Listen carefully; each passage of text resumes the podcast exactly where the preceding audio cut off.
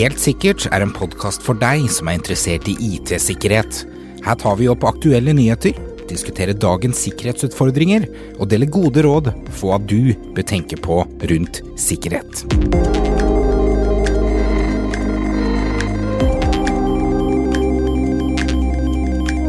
I 2013 kom nyheten om det som fortsatt i dag er den største kjente parsellekkasjen noensinne. Yahoo rapporterte på det tidspunktet at de hadde mista over 1 milliard passord og brukerkontoer til hackere.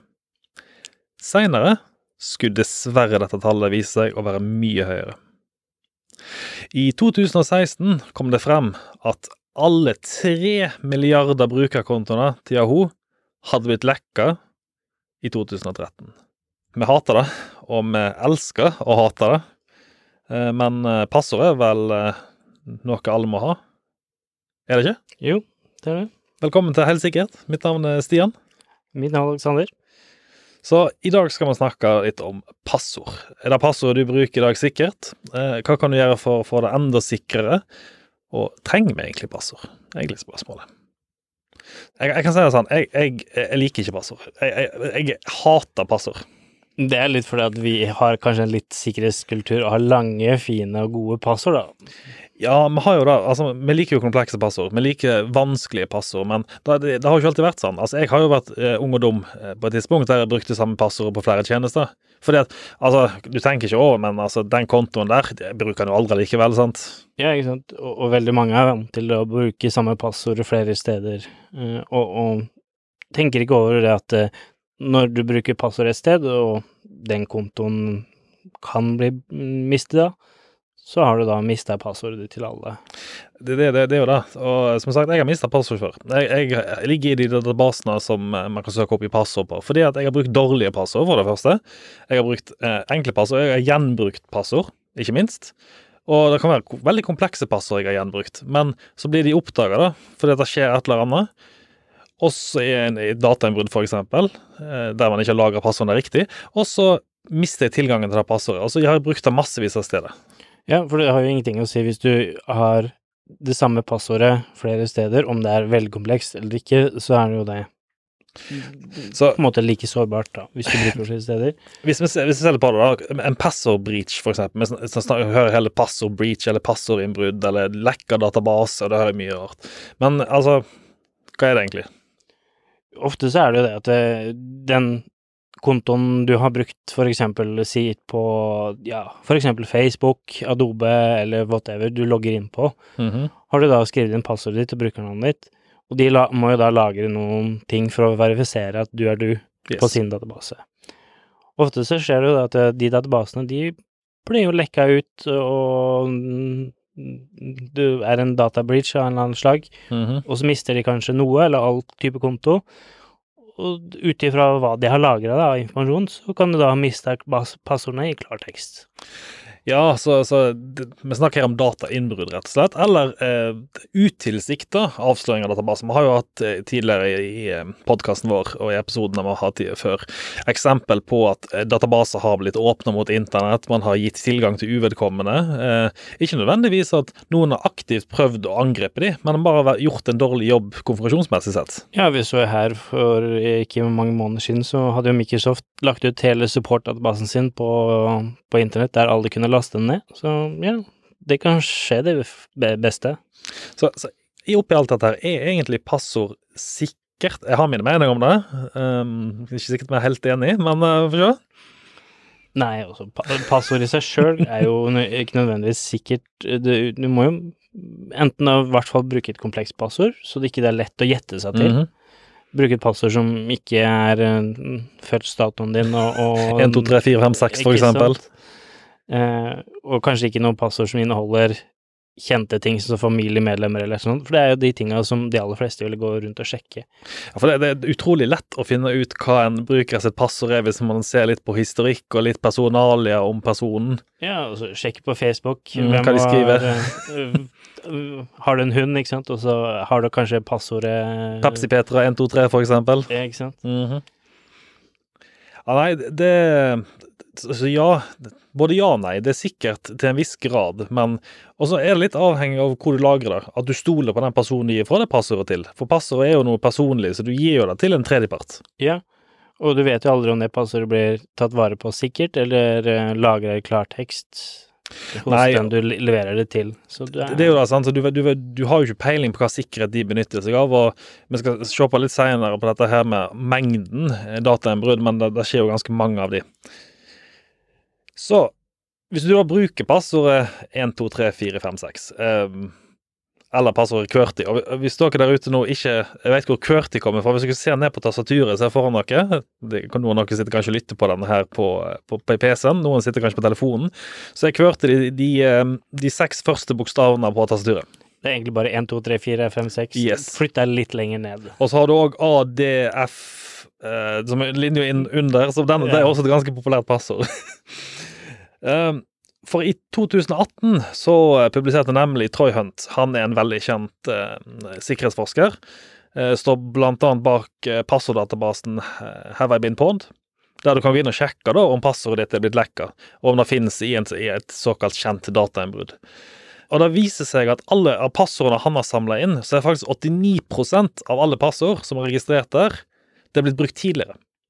Altså, han finner de igjen i flere breacher. Ja, så det, det er samme passord de bruker, og, og gjerne det, samme passord på forskjellige personer, så de bruker mye av det samme Det passordet. akkurat det, sånn, Når du ser ting gå igjen og det, det er ikke nødvendigvis bare klarteksten ser det, men hvis en hash for eksempel er samme, vi skal komme litt tilbake til hva det betyr, så, så se, klarer du å se igjen likheter i de forskjellige databasene.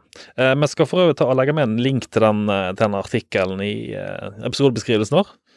Prøv, vi skal prøve å få litt ut litt mer sånn der, eh, informasjon på eh, faktisk de research- researchen på te- temaene som vi gjør. Ja, og vi anbefaler absolutt alle å gå inn der og teste og sjekke. Yes. og Man skal også få lagt det ut på Ja, vi har forresten begynt å publisere episodene våre på hjemmesiden vår nå. Sånn at uh, der, skal du, der skal vi ha mer informasjon etter hvert på episoden. Ja. Så gå inn der og sjekk. Sjekk det. Så, så da er jo spørsmålet, dere der ute nå, har dere et av disse passordene som er på topp i passorddatabasen hans? Jeg vet at jeg har det. Jeg, jeg har jeg har ikke tort å sjekke, men jeg er ganske sikker på Ja. at jeg en eller annen gang har brukt et passord Og jeg som tror jeg har et passord, for eksempel lame password. Yeah. Eller change me. Eller også password one, for Ja, eksempel. Det er er veldig ganske mye fin. brukt. Så, så det er en sånn kosepassord. Og vi pleier jo å bruke de passordene Når jeg setter opp tjenester, for eksempel, så setter jeg enkle passord på dem bare fordi at jeg skal gå inn på 40 forskjellige servere. Altså Det er jo veldig bad practice å gjøre det, men man gjør det jo fordi man ikke vil sitte og kopiere inn masse forskjellige passord. sant? Ja. Og så heller bruke samme passord. Eh, Jeg har jo jobba for bedrifter tidligere som eh, fortsatt sliter med passordbruk. Det blir for komplekst. Ja, og vi ser jo veldig ofte det at eh, bedrifter bruker det samme passordet på en konto, si da administrator kontoen sin, eh, og, og har det felles, så Mhm. alle vet om det. Og så slutter det to-tre stykker, det tar fire-fem år, kanskje ti år, og fortsatt har de samme passordet. Så alle som har vært inne i bedriften før, har fin da kjennskap til det passordet, og kan da for eksempel logge seg inn remote, hvis det, hvis det er mulig, og få tilgang til de kontoene. Og hvis du er en person som er sparka og sånt, så kan det være noen som har lyst til å gjøre litt faenskap. Men det, det også altså så vanskelig òg, fordi at når man først er blitt avhengig av et passord, hvis man ikke har noen eh, tjenester bak som kan ta og hjelpe dem med å skifte passord, så blir man fått avhengig av at den brukeren fungerer med det passordet. Kanskje det er hardkoda inn i programvaren til og med. Ja, og vi ser jo det veldig ofte så skjer det eh, Leverandører leverer produkter sånn som rutere og, og switcher og andre ting da, med hardkoda passord inni. Og så er det noen som er litt lure, og så finner de de hardkoda passene som ligger, Mhm. og så har de tilgang til enormt mange ting, da. Men jeg mener, eh, du kan ikke rette på meg dette feil, men det kom vel nylig et regelverk som sa noe om at default-passer ikke er lov. Jeg lurer på om det var i USA. Ja. Som at alle standardpasser nå er forbudt. Ja, Men eh, det er jo noen som er veldig legacy, og vi vet jo Mhm. veldig godt hvor ofte folk driver og oppdaterer. En lov nå, kanskje vi har en god rutine om 10-15 år. Ja, mm, sant. Ja, fordi at alle de gamle programvarene som ligger der fortsatt, har ikke noe krav på oss. Det er jo nye programvarer som blir utviklet. Ikke sant? Men eh, det, sånn som jeg leste nå skal jeg, jeg, skal ikke, jeg skal prøve å få finne kilden til den, og så skal jeg legge med i, eh, i beskrivelsen på podkasten. Ja, episoden, mener jeg. Så kan du lese mer på det der. Eh, men Hva, hva tenker du, hva, er, hva, er, hva vil du bruke som et komplekst passord, da? Hva, hvor, hvor, hvor komplekst bør passord være? så, så, her, så her er utfordringen. Det er kommet veldig mange standarder på passord opp gjennom årene. Eh, I begynnelsen så skulle det være eh, maks åtte tegn. Man så på det som godt nok, sant. Men eh, det, det var ingen som klarte å knekke åtte tegn. I dag er jo det veldig enkelt å knekke i seg sjøl. Ja, vi har jo det vi kaller rainbow tables Yes. av forskjellige krypterte passord, som gjør at sånne ting kan være enkelt å knekke.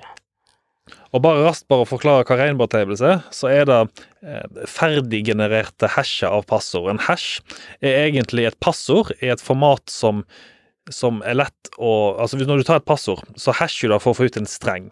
Og hver gang du hasher det, det samme passordet, altså samme ordet, så blir den strengen lik. Slik at man kan da sammenligne da en, en, en verdi som man får ut av en matematisk formel, mot hverandre, istedenfor å sammenligne passordet i klartekst, for eksempel. Eh, Men Rainbow Tables, det de har gjort der, er at de, de har kalkulert disse her hashene på forhånd, slik at de istedenfor å sitte og teste hvert, eh, hvert passord, så bare sjekker de opp mot en tabell, som kanskje er på en 80-90 gigabyte stor, og så bare søker du opp og finner ut får jeg noe treff, ja, nei, og da vet du hvilket passord det er som er får ut ifra den. Ikke sant? Så komplekse passord, ja, det er en vits. Eh, til, til en viss grad. Som sagt, standarden har endret seg. Nå er det jo, eller For ikke så lenge siden så var det anbefalt å ha komplekse passord. Eh, minimum eh, 16 tegn, stor, små bokstav, eh, tall, eh, spesialkarakter. For da blir det mye vanskeligere å eh, brutforce passordet. Men så her kommer problemet. Med komplekse passord så kommer også problemet med å huske det. Ja. Og gjerne så, så har jo også policyen sånn historisk vært at du kanskje skal skifte passord hver ja, tre måneder. Yes, sant? Og skal du da finne på et nytt passord med så mange karakterer, huske det hver tre måneder, det er tungt, altså. Det det er komplett umulig. Så dagens standard, og dette her ble endret for ikke så mange år siden, Microsoft kom med en ny anbefaling, og det er å ikke bruke komplekse passord, men heller bruke en setning. For eksempel 'Jeg gikk en tur på stien'. Ja, kanskje ikke alle skal bruke det samme, Nei, kanskje ikke bruke det, men grunnen til at du skal bruke det, er for det første så bruker du norske bokstaver i passordet ditt, Ja. som gjør det utrolig mye verre for en angriper å tippe passordet. For det andre bruker du mellomrom, som er i passordet, og du bruker Hvis du skriver den setningen der, så er sikkert den setningen der på 30 karakterer. Ja. Og det blir fort og enkelt å huske. Du Yes. har langt, godt passord. Eh, hvis du da bytter ut litt sånn at det noen tegn, kanskje Mhm. en E var et tretall og sånn. For eksempel, sant? Eh, og så er det litt sånn hvis man bruker karakterer som ikke er på det amerikanske tastaturet, Mhm. så er det ofte man kanskje kommer på en PC eller en login eller et eller annet sånt, at man da må passe på at de tinga man, man skal skrive inn, da, at det, det er et passord som har de tegna man har tilgjengelig. Selvsagt. Og så skal også sies at multifaktorautentisering, som vi snakket om i forrige episode, eh, er jo selvsagt eh, viktig i dette her, men vi skal ikke snakke om noe særlig multifaktorautentisering. I dag snakker vi om selve passordene. Ja, for det er veldig viktig at passord er én type beskyttelse, Ja. og så kommer multifaktor I tillegg. oppå i det. Helt korrekt. Så jeg, jeg vil faktisk si at uh, i mitt hode så vil jeg heller ha en setning som jeg husker. Kanskje til og med og når jeg skal lage passord, så lager jeg ofte komplekse passord, men setninger og ord sånn som jeg husker. Så jeg, jeg husker at jeg begynte når jeg begynte å konsulente ut hos en kunde, så kom jeg med det passordet som bruker i dag, som er 30 siffer langt. Og de bare Hæ, hvordan klarer du å huske dette passordet? Jo, fordi at det er en setning som er blanda inn med komplekse tall og karakterer. Så har jeg bytta ut f.eks. et ett-tall med et utropstegn innimellom, og liten og små bokstav. Og jeg husker passordet. Ja, Og så har du jo sagt at det, det å resette et passord når du har et passe bra komplekst passord, eh, behøver ikke skje så ofte som det gjør, Nei. men man må passe på det at hvis man er redd for at databasen eksempel har blitt breacha, mm -hmm. aktiv Directoryen din har noen har hatt tilgang til å kopiere ut uh, noen ting fra, så er man aktiv på å varsle at ok, nå må folk passe på å resette, for da kan det være at passordet er knekt. Ja. Så, og igjen, da, men gå litt tilbake til at jeg ikke bruker samme passord for flere forskjellige steder. Jeg ville heller hatt en setning sånn eh, I dag tok jeg flyet hjem. Altså, hvis jeg bruker det på Norwegian, for eksempel. På loggen min der. Ja. Sant? Så da, husker jeg å ha passord knytta opp mot tjenesten. Ikke sant? Å ha kanskje en, en god setning med noe blanda inn av den siden du Mhm. er på, eller hva du kobler på, sånn at allting blir unikt. Så, men det, det er en annen ting som jeg kommer opp i, fordi du vet disse loggene som eh, Hvis du går inn på en webside, så kan du registrere deg eh, som en bruker. Og så får du opp disse her 'registrer deg med Facebook-kontoen', 'registrer deg med Google-kontoen', Ja. eller 'registrer deg med en vanlig konto'. Har du noen som klikker på å registrere deg med Google-kontoen eller Facebook-kontoen? Helt ærlig? Jeg har gjort det på noen få ting Yes. som eh, jeg på en måte ser på som lik Ja, sånn, sikkerhet eh, generelt sett. Og jeg har gjort det samme. Og dette her er noe som er litt kult, men hva skjer hvis Facebook-kontoen din faktisk blir kompromittert? Så har du tilgang. Det er derfor jeg sier Yes. denne må ha en lik eh, Det er ikke sånn at jeg bruker Facebook-kontoen min på noen ting jeg kan shoppe noe på, eksempel, så de kan bruke kredittkortet mitt eh, eller et eller annet sånt eh, Altså noe Ja. som er lik sikkerhet. Men, men til gjengjeld altså, hjelper som sagt å ha multifaktorisering på de sidene der du bruker sånn, felleskontoer. felleskonto. Men man tenker ikke over det når man sitter der og skal registrere seg for Spotify, og så velger man å bruke Facebook-kontoen sin for å registrere seg på Spotify.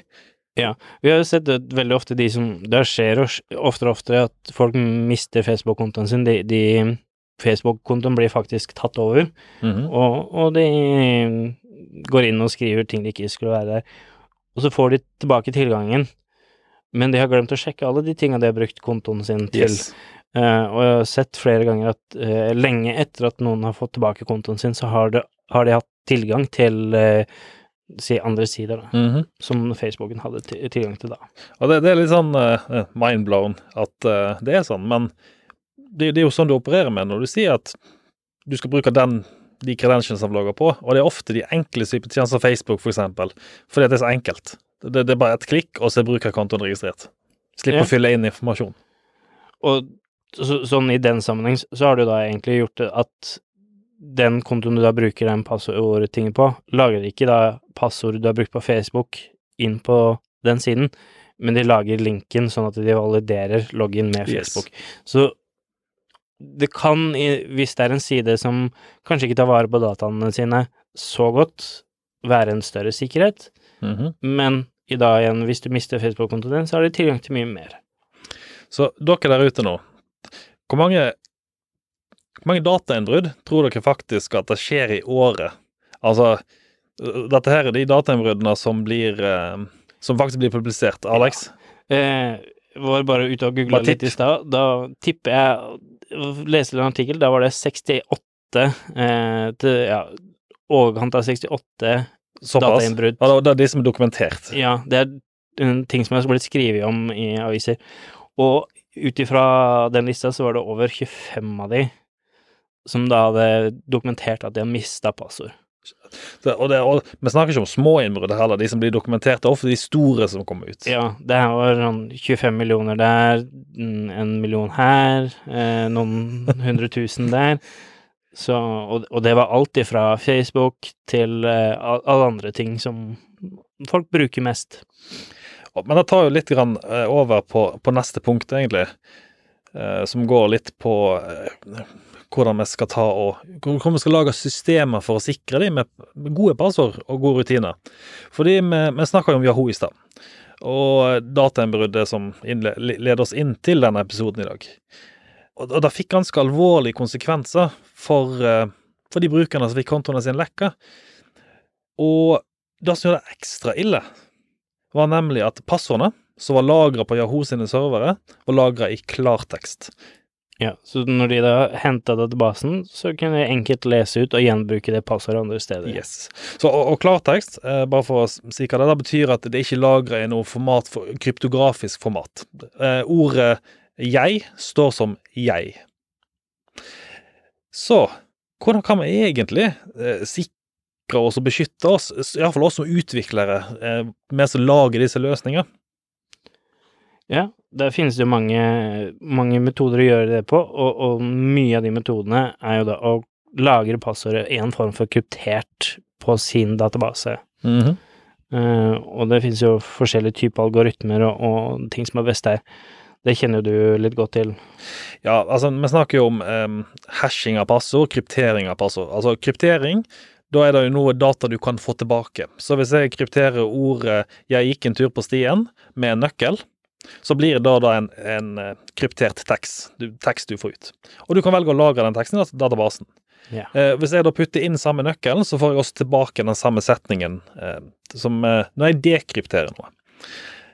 Eh, mens hashing derimot, så er det ikke mulig å få tilbake det du hasher i teorien. For de har jo som sagt disse som rainbow tables, der Ja. du kan matche en hash opp mot en annen hash for å finne ut hva som kan egentlig produsert. Og så har man også det som kalles for salting av passord. Når man salter et passord, så tar man passordet, og så putter man på et annet ord som man, kun du vet om, og så genereres det en hash ut ifra det. Og siden du gjør det på di, dine systemer bak, så vil brukeren aldri få vite hva det ordet er. Nei, da må de ha en unik rainbow table for det hasha passordet Yes. du Eller salta passordet du brukte, da. Og Veldig det er jo vanskelig. vanskelig.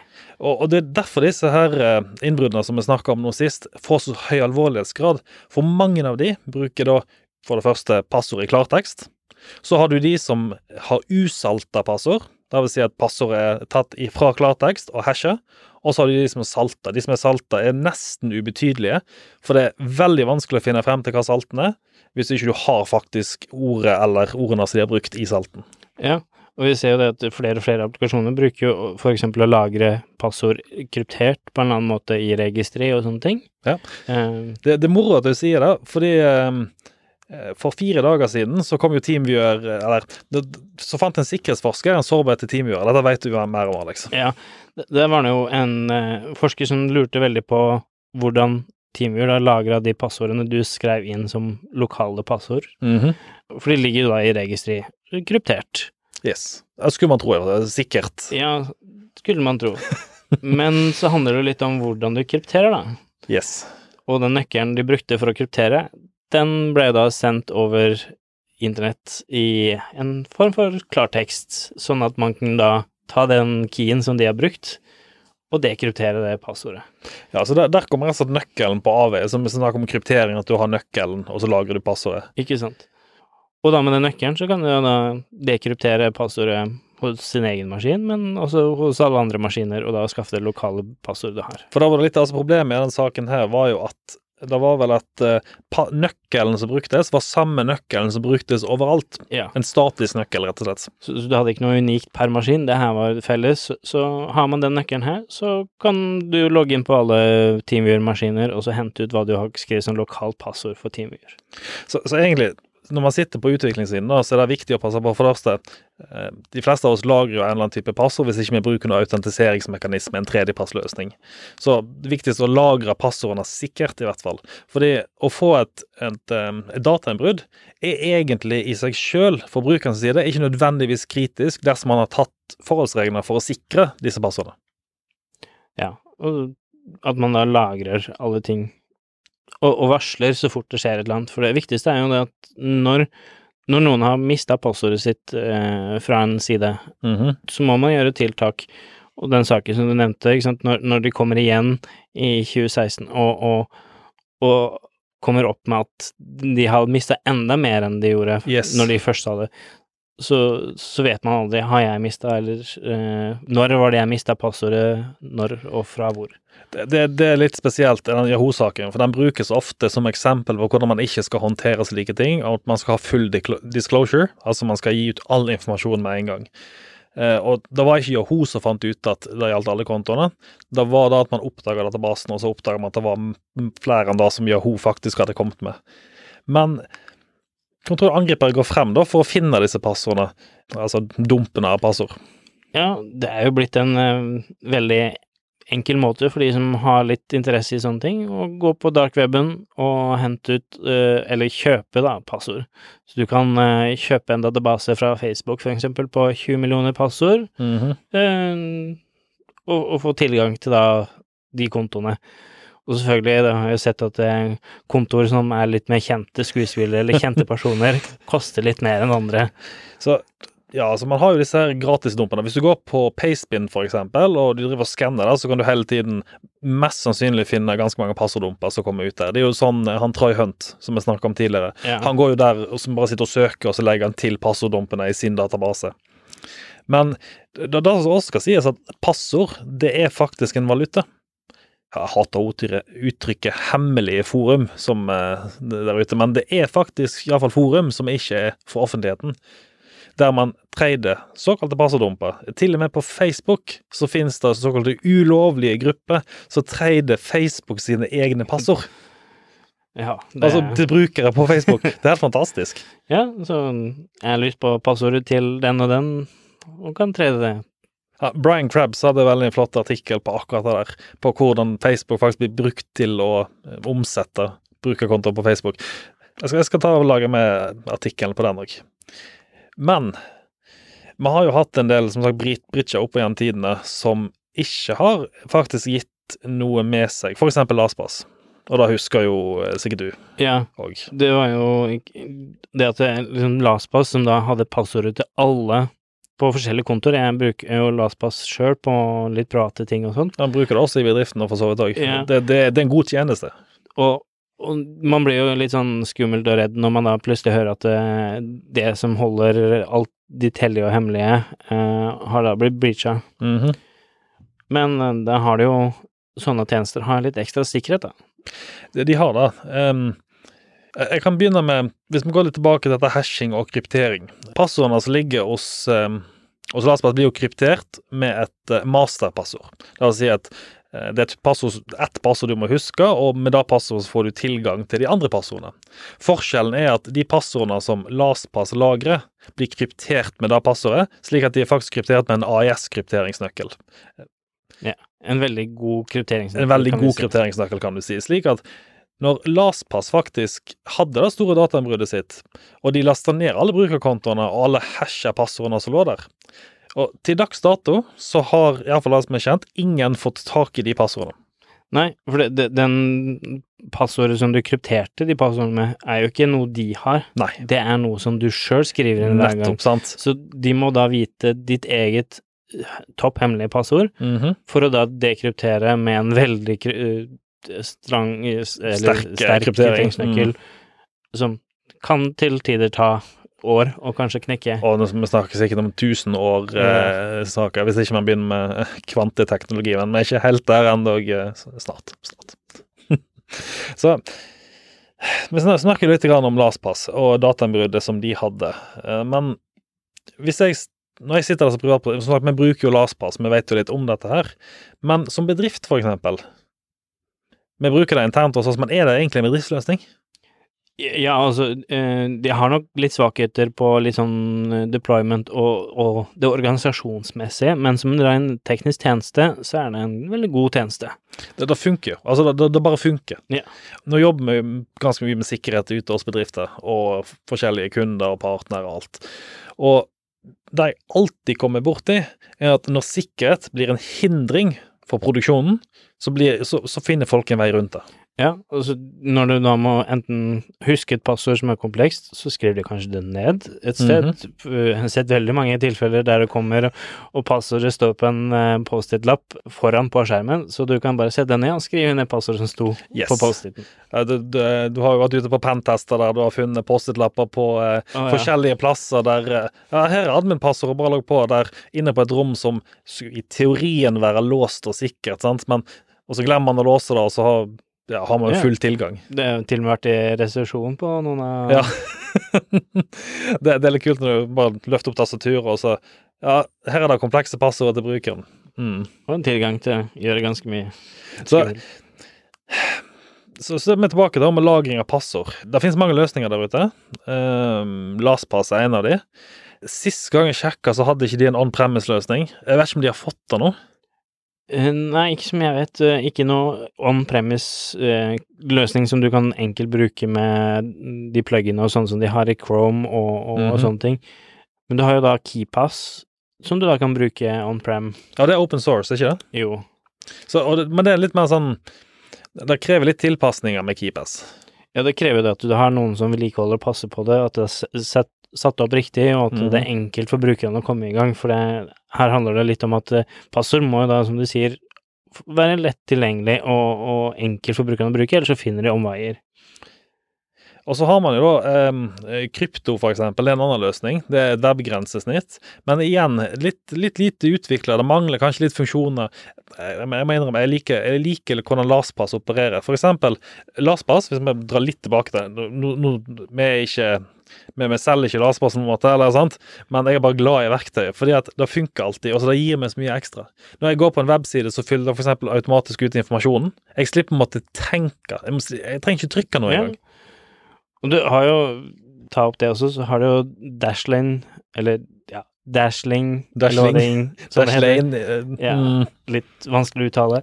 Men er jo veldig tilsvarende hva LastPass er, Yes. og har mye av de funksjonene som, som gjør at det er veldig enkelt å bruke. Så først da, fordi at en- en password manager hvis vi ser på den brede kategorien av passwordmanagere, så er det noe som tar vare på passordet for deg, som jeg sa tidligere. Den er der for å hjelpe deg med å huske passordene. Ikke bare huske, men også ta vare på de sikkert. Og, og vite hvilke passord du har hvor, sånn at man enkelt kan komme i gang, istedenfor å bruke, bruke lang tid på å komme i gang med, med jobben du skal gjøre. Og det koster så lite. Det koster jo ingenting for en bedrift å ta i bruk dette her. Fordi, for det første, det er ikke dyrt. LastPass jeg tror jeg faktisk koster Jeg betaler tre dollar i måneden, altså 36 dollar for et år. Ja. Det er jo Du, ingenting. du kan lage så mange passord du vil, og da, Yes. når du har unike passord på alt, du, alle sidene du er på, så, så kan du lagre alt. Og så har vi litt mer profesjonelle løsninger. Det som er nevnt nå, er jo veldig enkelt. Det, den tar vare på passord. LastPass gir deg også for så vidt skal vi se, Den gir deg et score på passordene dine, og om passordene. Finner passord i databasen sin du har brukt andre steder. Det er litt kult. Sånn Ja, så de varsler det Yes. for eksempel hvis du har mista Det har vært en databridge, og de har sett et passord, Mhm. så kan de også varsle deg på at mm, det passordet er blitt gjenbrukt her og der. Og de vil komme med gode, sterke anbefalte passord når du skal eksempel logge deg inn på en side, eller signere, signe opp på en ny side. Men altså, hvis vi tar litt profesjonelle løsninger, da. Sikre Server, vært borti det? Ja, jeg har jo brukt det en del. Og, og det jo, da, da snakker vi om et steg opp, kanskje. Det er kanskje ikke noen for en SMB eller noe sånt, men kanskje en SME, litt Enterprise-nivå. Ja, litt mer Enterprise. De har enormt mange fun funksjoner og features Mhm. som gjør det bare enda enklere uh, for både bedrifter og konsulenter av bedrifter, faktisk. Hjelper deg det å resette et passord når den andre har brukt passordet, eksempel. Åh, det, det er en ganske nice funksjon. Ja, så du har gitt bort passordet ditt til en server for at en konsulent skal inn og jobbe. Mhm. Eh, automatisk da etter eh, at brukeren er ferdig, så går sikre server inn og resetter det og setter et nytt passord. Det er jo kanskje en ting vi ikke tenker på så masse. Vi snakket om det tidligere, men bytte av passord. Som privatperson så er jo noen anbefalinger at man egentlig ikke skal bytte passord, men man skal legge ekstra sikkerhet på toppen. Men som bedrift, la oss ta en uh, Internet Exchange Service, da. På en eh, Windows-server. Egentlig så skal jo det tjenestepassordet som kjører det, endres rimelig ofte. I hvert fall en gang hver tre måneder. Ja, jeg vil i hvert fall si at det å endre passord må skje så fort man er redd for at databasen er lekke i, for det er det viktigste. Det er det første, men Eh, eh, også ofte. Ja, men hvorfor trenger du da endre passordet hvis ikke det er uh, på avveie? Du har ikke brukt det passordet noen Jo. andre steder? Jo, Det skal jeg fortelle deg. Fordi at som vi sa først, det er ikke alle breachene som er offisielle, og du vet heller ikke om det finnes angripere inn i nettet ditt. Nei, Så hvis du endrer passordet, så har du iallfall sikra deg. Og det beste er å gjøre det automatisk. ikke Og der for eksempel Secret Server, der kan du sette opp automatiske passordbytter, og du trenger ikke tenke på det engang. Og siden dette her er et tjenestepassord, så kan du eksempel si at han skal gå inn i AD, oppdatere konfigen der, og så kan du også skripte at han skal gå inn på serveren, og hvis han må legge inn passordet eksempel i en konfig-fil. Ja. Alt kan skriptes. Og, og det vil da sikkert server hjelpe deg litt med å komme Yes, i gang, så sant. du kan ha en god passordrutine og, og komme i gang med, med å sette opp ting sånn som det skal være. Så, så det er egentlig ingen unnskyldning for å komme i gang med, med, med passord. Det, det, og passord management. Det, det er rett og slett bare å få det gjort. Og som sagt, ikke overkomplisere det. Dere som trenger sikkerhetsserver, har lyst på mer avanserte funksjoner, så går dere f.eks. en sånn løsning. Det finnes andre løsninger der ute òg. Mens bare for å ta vare på passord, f.eks., bare da gå inn på LastPass og bestille seg en konto. Og jeg tror også de har en gratisversjon av LastPass òg. Ja, du kommer i gang med en gratisversjon. Yes. Jeg, jeg tror det er noen fun funksjoner og features eh, som ikke funker med gratisversjonen, men i hvert fall komme i gang Kom som en vanlig bruker. Ja. Det er, Det skal ingenting til. Uh, Samboeren min har litt eh, samme passord overalt. ja. Så der eh, Jeg har prøvd å overtale og fått inn LASPAS der en stund, men nå, nå eh, begynner jeg kanskje å skjønne at eh, det ligger noe i det. Ja. Hvis jeg husker riktig, så gratulasjonen gir deg egentlig alle funksjonene utenom det å synke til mobil. Så Ah, ok. Ja, men da, da Altså, det er ikke så kritisk. Det er greit å ha det på mobilen, men det viktigste er jo PC-en. Ja. Så ja, nei, jeg tror at eh, Ja, det var egentlig det for i dag. Um, hvis vi skal ta en liten oppsummering av podkasten i dag Hva det første punktet vil jeg si da, som kanskje har pratet mye om, ikke gjenbruk passordene mer enn ett sted. Yes, det syns jeg er det viktigste punktet. Ja, det første punktet, ja. Men til gjengjeld, hvis du ikke da gjenbruker de, så må du bare bruke en eh, passordtjeneste for å huske passordene for deg. Absolutt. Kommer aldri til å huske det sjøl. Så, og kanskje hvis du da eh, ikke ønsker å bruke en passordtjeneste i det hele tatt, bruk setninger som du eh, husker, sånn at eh, det er lettere å huske de og knytte til tjenesten du bruker de mot. I dag var jeg sosial. Er for eksempel et perfekt passord til Facebook. For eksempel.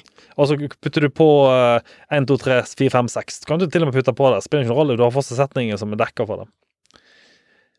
Og ikke bruk komplekse passord som du aldri kommer til å huske.